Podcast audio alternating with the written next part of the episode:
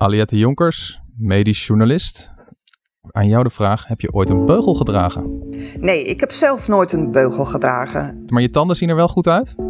Mijn tanden zien er prima over? uit. Ja hoor, uh, met name uh, mijn boventanden staan echt super recht. Mijn ondergebit, nou dat is één tand, die staat misschien een heel klein beetje niet helemaal kaars of een beetje naar achteren. Maar uh, ja, dat vind ik geen probleem.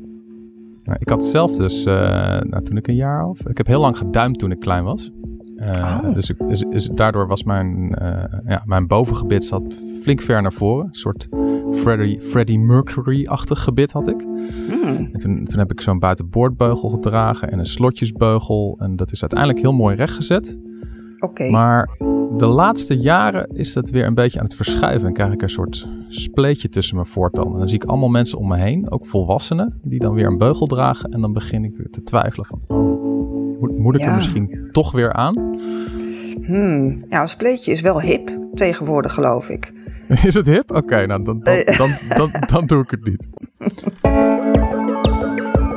Welkom bij Ondertussen in de Kosmos, de podcast van de wetenschapsredactie van de Volkskrant. Vandaag zoomen we in op de planeet Aarde, waar opvallend veel kinderen en jongeren een beugel krijgen. En ook wel opvallend, volwassenen dragen ook steeds vaker een beugel. Misschien ziet u dat ook wel in uw eigen vrienden- of kennissenkring. En ja, al die beugels, is dat nou echt nodig? Uh, draven we door? Hoe zit het eigenlijk met de belangen van orthodontisten en tandartsen die adviseren om een beugel te nemen? Journaliste Aliette Jonkers, gespecialiseerd in medische kwesties, beet zich vast in dit onderwerp. Ze sprak wetenschappers, orthodontisten, beugeldragers, de Nederlandse Zorgautoriteit, zorgverzekeraars. Alles om het tot de bodem toe uit te zoeken. Aliette, fijn dat je er bent. Dankjewel. En eh, om te beginnen maar even wat, wat cijfers. Hoeveel procent van de jongeren krijgt tegenwoordig ongeveer een beugel in Nederland? Nou, bijna de helft van de jongeren in Nederland uh, draagt een beugel. Uh, de Vereniging voor Orthodontisten houdt het op 45 procent. Maar er zijn ook mhm. wetenschappers die denken dat het nog uh, wel iets hoger is. En ja, dat is al veel, hè, de helft van de kinderen. Maar het percentage is ook nog aan het stijgen. En dat kun je zien aan de declaratiegegevens van zorgverzekeraars, want die hebben we mogen inzien. Uh, En de laatste paar jaar, zeg maar ongeveer vier jaar, uh, zagen zorgverzekeraars het aantal declaraties voor kinderen met ongeveer 6% toenemen. Dus de declaraties uh, voor de, in de aanvullende verzekering. Ja. En, uh, maar goed, toen kreeg ik op mijn verzoek de percentages die over volwassenen gingen. En daar zie je echt iets opmerkelijks. Uh, zorgverzekeraar CZ bijvoorbeeld zag het percentage volwassenen dat kosten voor beugels heeft gedeclareerd met maar liefst 32,4% toenemen. En bij VGZ was dat 16%, ook veel. Dat is echt enorm. Ja, heel, dat is echt heel sterk gestegen, ja.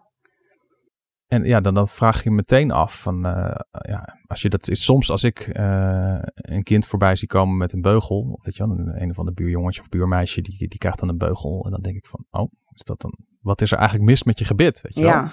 Ja, uh, er was niet zoveel aan de hand. Ik bedoel, is, hoe gaat dat eigenlijk? Wanneer is een beugel nou nodig? En wanneer is het iets van, nou, puur cosmetisch uh, kan nog iets mooier dan het al is. Hoe, gaat het eigenlijk? Nog even over die cijfers. Bij de kinderen is het, is het de laatste vier jaar ongeveer 6% is het aantal declaraties gestegen. Dus dat is niet zo extreem als bij volwassenen.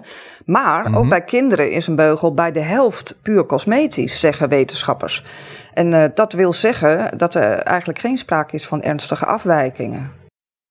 Ja, precies. Ja, ik vraag me nou ook meteen af of, of mijn Freddie Mercury uh, gebit dat ik ooit had als kind of dat ook in de categorie cosmetisch valt. Ja. Nou, Daar zou ik mijn orthodontist van toe moeten vragen. Maar. Nou, dat, dat denk, ik denk dat dat in jouw geval... Ja, ik ben natuurlijk geen tandarts en geen arts... maar uh, wat ik gehoord heb van wetenschappers... is dat het in dat soort gevallen wel nodig is... omdat je anders uh, uh, ja, met het eten en praten en slikken... en allerlei dingen toch wel functionele problemen kunt krijgen. Um, mm -hmm. Maar goed, um, ja...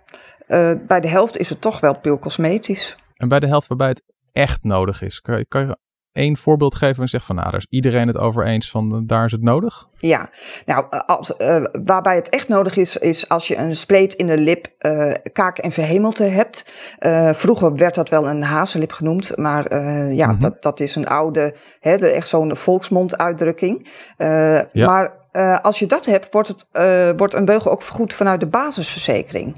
Um, dus dat, dat, dat geldt echt voor dat soort vrij ernstige afwijkingen. In andere gevallen, waarbij uh, ja, de zorgverzekeraars zijn er toch wel streng op, moet je toch naar de aanvullende verzekering. En daar, vanuit daar wordt het dan wel vergoed.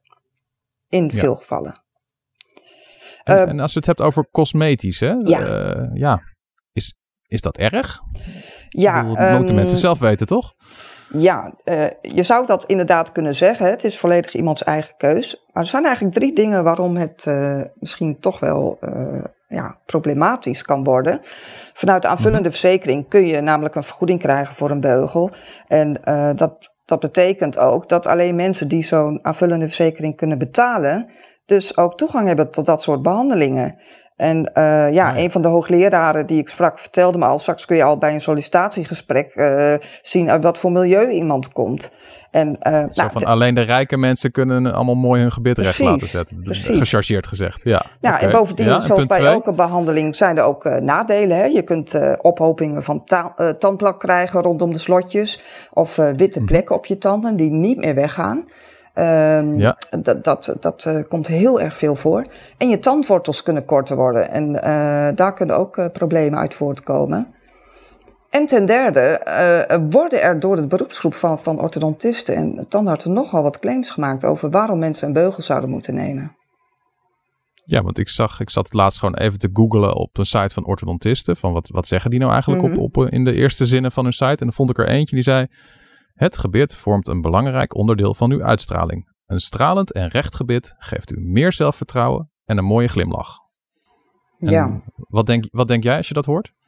Ja, er is heel veel onderzoek naar gedaan. Uh, orthodontisten en tandartsen zeggen, de, de, die, die maken best wel veel claims over beugels. Ze zeggen bijvoorbeeld, uh, nou, het geeft je zelfvertrouwen. Uh, je gaat ook minder mm-hmm. gaatjes krijgen, want een rechtergebit kun je makkelijker poetsen. Maar als je in de literatuur duikt, dan zie je dat die claims eigenlijk helemaal niet hard gemaakt kunnen worden. En de onderzoeken ja. die wel positieve resultaten laten zien, die zijn vaak helemaal niet goed opgezet. Dat zijn vrij slechte studies. En, um, nou ja, en, en daarbovenop komt nog dat er ook wetenschappers zijn die stellen dat de motivatie om je tanden goed te poetsen, hè, dus twee keer twee volle minuten per dag, uh, dat, ja. dat dat belangrijker is dan dat al die tanden precies recht op een uh, rijtje staan. En nou ja, hetzelfde geldt eigenlijk voor zaken als zelfvertrouwen en je goed voelen. Uh, ja, het klinkt heel logisch dat dat zo is, hè? dat, dat een mooie smile en een recht gebit, dat dat veel meer zelfvertrouwen geeft. Maar wat blijkt, uh, dat kan toch niet uh, hard gemaakt worden. Mensen die, die dus uh, met scheve tanden en die geen beugel hebben gehad, zijn net zo optimistisch en staan net zo vrolijk in het leven als mensen die wel een beugel hebben gehad. Dus daar zijn, er zijn gewoon veel meer variabelen zijn er aanwezig in het leven die bepalen waardoor je je goed voelt over jezelf. Nou, ik zit ook te denken aan mensen die een beetje een scheve tand hebben en, en uh, denken van, ah, ik ben gewoon blij met mezelf zoals ik ben. Mm-hmm. Ja, misschien zijn dat inderdaad wel de type mensen die, uh, die doorgaans wat vrolijker door het leven gaan dan mensen die, uh, die elk minimaal scheef tandje recht willen zetten. Dus dat zou zit misschien wel wat in, ja. Ja, ja. ja. En het, het lijkt me wel ook iets wat echt moeilijk te onderzoeken is. Hè? Want natuurlijk de meeste mensen die dragen dan beugels nou ja, rond de leeftijd van 11, 12, 13, zoiets. Ja. En dan, uh, ja, dat, dat, dat, is ook een beetje die puberfase. En dan verandert er natuurlijk extreem veel in je leven.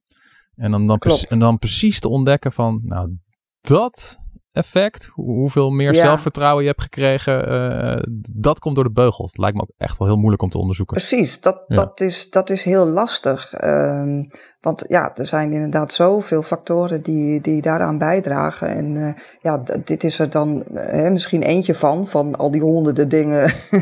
uh, ja, het is, dus dat, dat is ook heel moeilijk te onderzoeken. Dat, ja. dat erkennen orthodontisten en tandartsen zelf ook inderdaad. En uh, nou ja, gechargeerd gezegd, als ik uh, ijsjesverkoper ben, dan heb ik er belang bij om heel veel ijsjes te verkopen. En, uh, ja. Het liefst met een, een aardige marge. marge. Mm-hmm. heeft een tandarts of een orthodontist ook er belang bij om zoveel mogelijk mensen aan de beugel te krijgen?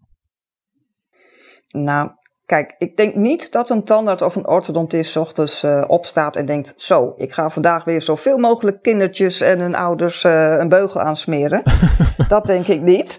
Maar het is natuurlijk wel zo dat je meer kunt verdienen aan behandelingen dan uh, aan preventie.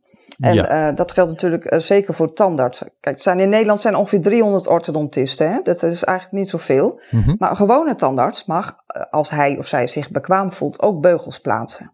En oh, okay. ja, dat, dat zie je dus ook volop gebeuren. Hè? En, en, en de eigen beroepsgroep zegt dat zelf ook. Uh, om een voorbeeldje te geven, tien jaar geleden al waarschuwde een hoogleraar van Radboud UMC in Nijmegen, Annemarie ja Kuipers-Jachtman, dat commerciële beïnvloeding op de loer ligt. En dat, dat, dat tandartsen en orthodontisten veel meer evidence-based moeten werken. Dus echt gebaseerd op de wetenschap. Um, ja, dus, dus tien jaar geleden klonk die waarschuwing al. Ondertussen verschijnen ook steeds meer van die grote megaklinieken die, uh, die ook echt veel patiënten kunnen behandelen, ook in Nederland. Ja, kan, je krijgt dat door misschien toch een soort, uh, nou, uh, hoe moet je dat noemen? Dat, dat op een gegeven moment ook dat, dat schoonheidsideaal niet alleen aan het verschuiven is omdat mensen zelf allemaal een mooie glimlach willen, maar dat het toch ook gewoon een markt is aan tandartsen die zeggen, die toch onbewust of bewust in hun achterhoofd hebben. Zo van ja, als ik uh, adviseer om een beugel te dragen, of ik zeg heel gretig ja, als iemand zegt van hm, ik heb een beetje scheef tandje hier onderin. Uh, ja. Dat dat toch gewoon handel is. Ja, dat, dat, dat risico is er dus wel. Dat risico is absoluut en dat, uh, en dat gebeurt inderdaad ook. Je, je sprak ook een aantal mensen die, ja. die, die zelf een beugel hebben. Uh, en daarvan zat er ook eentje bij die zei van, nou ja, ik voelde me eigenlijk wel een beetje onder druk gezet door mijn tandarts. Uh, om een Klopt, beugel te nemen. Ja. Wat, wat was, uh, ja, wat was haar verhaal? Nou, dat is, dat is, een vrouw die zelf in de zorg werkt. Dus wel ja, gepokt en gemazeld is op dat gebied, zou je kunnen zeggen. Mm -hmm. Maar die, kreeg, die, die vertelde me, mijn, mijn tandarts wil mijn hele gezin aan de beugel hebben. Dus zij en haar man en haar kinderen. Alleen ja. de jongste niet van de drie, want die was nog aan het wisselen. En uh, ze, ze vertelde, ja, hij wilde eerst dat we allemaal een, uh, een slotjesbeugel zouden krijgen.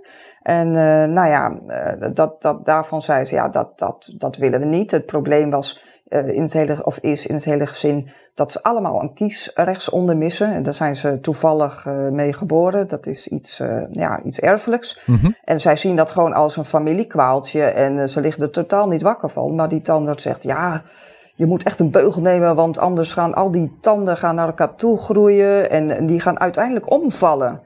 En uh, nou ja, zij is zelf 40 en die tanden zien echt. Zij zegt: Ja, onze gebitten zien er prachtig uit. Ja.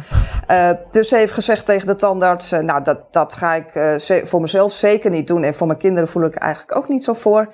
En toen uh, zei hij, nou dan vind ik eigenlijk dat jij zelf een onzichtbare beugel moet nemen. En daaraan kun je al zien dat er iets niet pluis is. Want een indicatie voor een onzichtbare beugel is totaal anders dan uh, een indicatie voor een slotjesbeugel. Uh, nou ja, dat zijn voorbeelden hè, die, die, die in Even de voor de totale leek, wat is, een, wat is een onzichtbare beugel? Ja, dat is zo, een zogeheten aligner. En mm uh, die, die kan ook uh, scheeftanden een klein beetje rechtzetten. Maar lang zo uh, krachtig niet als een, als een beugel met slotjes. Oh ja. Um, om een voorbeeld te noemen, de zanger Justin Bieber. Die heeft ook zo'n zo'n onzichtbare beugel gehad. Ja. En die, die ging daarmee op Instagram. En uh, vervolgens zag je ook dat, uh, dat de vraag naar dat soort beugels enorm steeg. Ja. Dus uh, nou ja, dat, dat is natuurlijk ook iets. Hè. De, de, de mensen vragen er zelf om. Ja. Maar goed, soms in dit geval van het voorbeeld, ehm, ja, werd er dus behoorlijk druk uitgeoefend. Want ze, de, de, die vrouw vertelde mij, ja, hij geeft mij het gevoel dat ik een slechte moeder ben. En dat hij hintte bijna op verwaarlozing. Ja, dat, dat is natuurlijk ja, opvallend, uh, zullen we maar zeggen. Ik kan me toch wel voorstellen, bedoel, als je zelf uh, ouder bent en je hoort van uh, een tandarts zegt tegen je, ja, ik zou, er toch, ik zou dit toch echt doen, want anders wordt het later lelijk. Ja, je, zou, je gaat jezelf al snel een slechte ouder voelen dan als je dan niet voor zo'n beugel kiest. Ja, ja, ja, en je kunt het niet echt controleren. Ja, je kunt een second opinion uh, vragen. Dat kun je dan wel doen uh, bij iemand anders. Maar ja. dan moet je daar wel op vertrouwen dat je, dat je daar wel een uh, eerlijk antwoord op krijgt. Ja, en uh, nou ja, over dit hele, dit hele belangenspel. Uh, wat, wat zegt de Nederlandse Zorgautoriteit daarover? Nou, de NZA die zegt, ja, die orthodontie, dat is echt te veel een verdienmodel geworden. Mm-hmm. En uh, het interessante is dat het eigenlijk ook helemaal niet meer botert tussen de NZA en de beroepsgroep. En dat is eigenlijk sinds er een experiment is gedaan met vrije tandartsentarieven. dat was in de tijd toen we nog minister Schippers hadden als minister van VWS.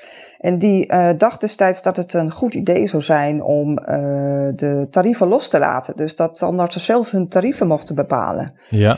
Dat zou de kwaliteit van zorg dan uh, verhogen, meenden ze. Mm-hmm. Maar wat bleek, al in het eerste kwartaal schoten die tarieven echt nou ja, zo bijna met 10% de lucht in. En het tweede kwartaal stegen, stegen ze nog verder. En toen zei de Tweede Kamer, dit moeten we stopzetten. Dus het idee was een soort concurrentie met verschillende eh, bedragen die dan de tandartsen kunnen vragen. Maar het tegenovergestelde gebeuren, ze gingen gewoon allemaal uh, de prijs opdrijven. Klopt. En daarvan zeggen de orthodontisten en de tandartsen zelf: ja, het is belachelijk dat dat eh, experiment zo snel gestopt is. Want het is bekend dat als je tarieven loslaat, dat ze in het begin stijgen en daarna weer uh, dalen hè, door de marktwerking. Mhm. En uh, ja, ze voelen zich toch wel onheus bejegend door de NZA. En ze zeggen zelf: er is helemaal geen sprake van overbehandeling. En de beroepsgroep is niet money driven, zoals ze dat zelf zeggen. Ja. Maar de NZA ziet toch wel iets te vaak dat het misgaat. Ehm, Bijvoorbeeld, hè, om een voorbeeldje te geven. Je kunt niet, niet echt veel verdienen op het plaatsen van een beugel zelf. Want uh, puur de handeling van het plaatsen van een beugel, daar geldt een maximumtarief voor. Maar je kunt wel uh, verdienen op technieken en materialen. Officieel kan dat niet, want uh, daar staan ook bepaalde tarieven voor. Maar er zijn tandartsen, dat heeft de NZA dus uh, ontdekt, die een aparte BV oprichten puur voor de inkoop van materialen. En dat, dat BV'tje zet ze dus tussen de inkoop en hun eigen praktijk. Mm -hmm. ze kopen dus eigenlijk van zichzelf de materialen in. Ja. Uh, dus, dus ze kopen zelf, dat aparte BV'tje koopt de materialen gewoon tegen kostprijs in. Uh, dat BV'tje verkoopt ze uh, tegen een hoge prijs door aan de eigen tandartspraktijk. En dat bedrag wordt vervolgens weer ingediend bij de zorgverzekeraar. En natuurlijk ja, geldt dat ja. niet voor de hele beroepsgroep. Hè. Dit zijn voorbeelden. Er zijn ook tandartspraktijken die minder declareren dan eigenlijk mag. Maar, alsof, maar toch. Het alsof is, jij als, als, ja, als... Er zijn dus wel degelijk mogelijkheden om flink te verdienen alsof jij als, als, als freelance journalist een bedrijfje zou oprichten dat uh, papier inkoopt en vervolgens Mhm. uh, voor een hoger bedrag dat papier weer aan jezelf verkoopt en dan op je factuur zet voor een artikel dat geschreven is plus printkosten uh, dan een hoog, hoog, hoge papierkosten. Zo, Precies, dus zoiets, die marge ja. die hou je dan zelf. Ja, ja. oké, okay. ja. En, uh, maar de orthodontisten zelf zeggen eigenlijk van... Uh, nee, nee, wij zitten helemaal niet uh, onnodig mensen aan de beugel te praten. Toch? Orthodontisten en tandartsen, ja. ja want ja. want hè, ze mogen dus alle twee beugels plaatsen... Mhm. als ze zich daartoe bekwaam en bevoegd voelen. wat ook best wel gek is, hè. Want nou ja, een orthodontist die heeft nog een extra opleiding van vier jaar... Um, maar goed, en een tandarts die hoeft niet eens per se een cursus te doen. Als hij denkt, ja, ik kan het ook, dan ja, dan kan dat ook. Ja. En dat is ook, voor heel veel indicaties is het geen probleem hoor. Want uh, wat ik gehoord heb van de beroepsgroep is, is dat blijkbaar niet zo'n. Uh, is het geen rocket science om een beugel te plaatsen? Ja, het klinkt een beetje oneerbiedig. Maar, maar je kunt het dus zelf, als je erin verdiept, en, uh, dan is dat geen probleem in principe. Maar goed, het is, ja. het is nogmaals makkelijker dan om daaraan te verdienen dan aan preventie. Waarbij je iemand zegt leert uh, hoe die zijn tanden goed moet poetsen. Ja, precies. En ja, ik ben toch even heel nieuwsgierig, omdat we het hebben gehad over de financiële belangen van orthodontisten en tandartsen. Wat verdient een, ja. een, wat verdient een orthodontist eigenlijk in Nederland? Een uh, orthodontist verdient gemiddeld uh, tussen de 9.000 en 12.000 bruto per maand. En uh, de, dus orthodontisten staan op de zesde plaats van alle, van het, in de top 25 van alle beste betaalde banen. Dat is een jaarlijks onderzoek van uh, Elsevier en uh, bureau Berenschot. En tandartsen in het algemeen, uh, daarvan kun je zeggen dat, dat van alle academici, dat tandartsen na tien jaar werken het meest verdienen. Met ruim 132.000 euro per jaar. Nog één keer hoeveel per jaar? 132.000. 132.000. Ik, uh, ja. uh, ik, ik, weet niet wat jij verdient, Aliat, maar ik heb dan duidelijk het verkeerde vak uh, gekozen als ik dit zo hoor. Ja, ik ook, denk ik. Maar het is natuurlijk wel zo dat, dat ik als eenvoudig freelancer vrij weinig kosten heb met een computer en, en, een, paar, en een telefoon en een goed bureau en zo. En de, ja, de tandarts en orthodontisten moeten natuurlijk wel veel meer investeren. Maar toch, ik, het is geen slecht salaris, inderdaad. Oké, ik, uh, ik, ga, ik ga nu heel snel afsluiten en, uh, en mezelf inschrijven voor de opleiding tandheelkunde, specialisatie orthodontie. ik, uh, ik, ik hak nu meteen de knoop door. Succes. Ja. Was Ondertussen in de Kosmos, de podcast van de wetenschapsredactie van de Volkskrant. Dank aan mijn gast van vandaag, Aliette Jonkers, medisch journaliste, die zich maandenlang verdiepte in de wondere wereld van beugels. Dank ook aan ons podcastteam achter de schermen, Daan Hofstee, onze geluidstechnicus, en Corinne van Duin, stuwende kracht achter alle Volkskrant podcasts. Heeft de Volkskrant er nog meer dan? Jazeker, kijk maar eens op volkskrant.nl slash podcast. En wil je zeker weten dat je geen aflevering mist van deze wetenschapspodcast? Abonneer je dan op Ondertussen in de Kosmos op je favoriete podcast-app. Mijn naam is Tony Mudde en vanaf de Volkskrant-redactie zeg ik u graag tot de volgende keer.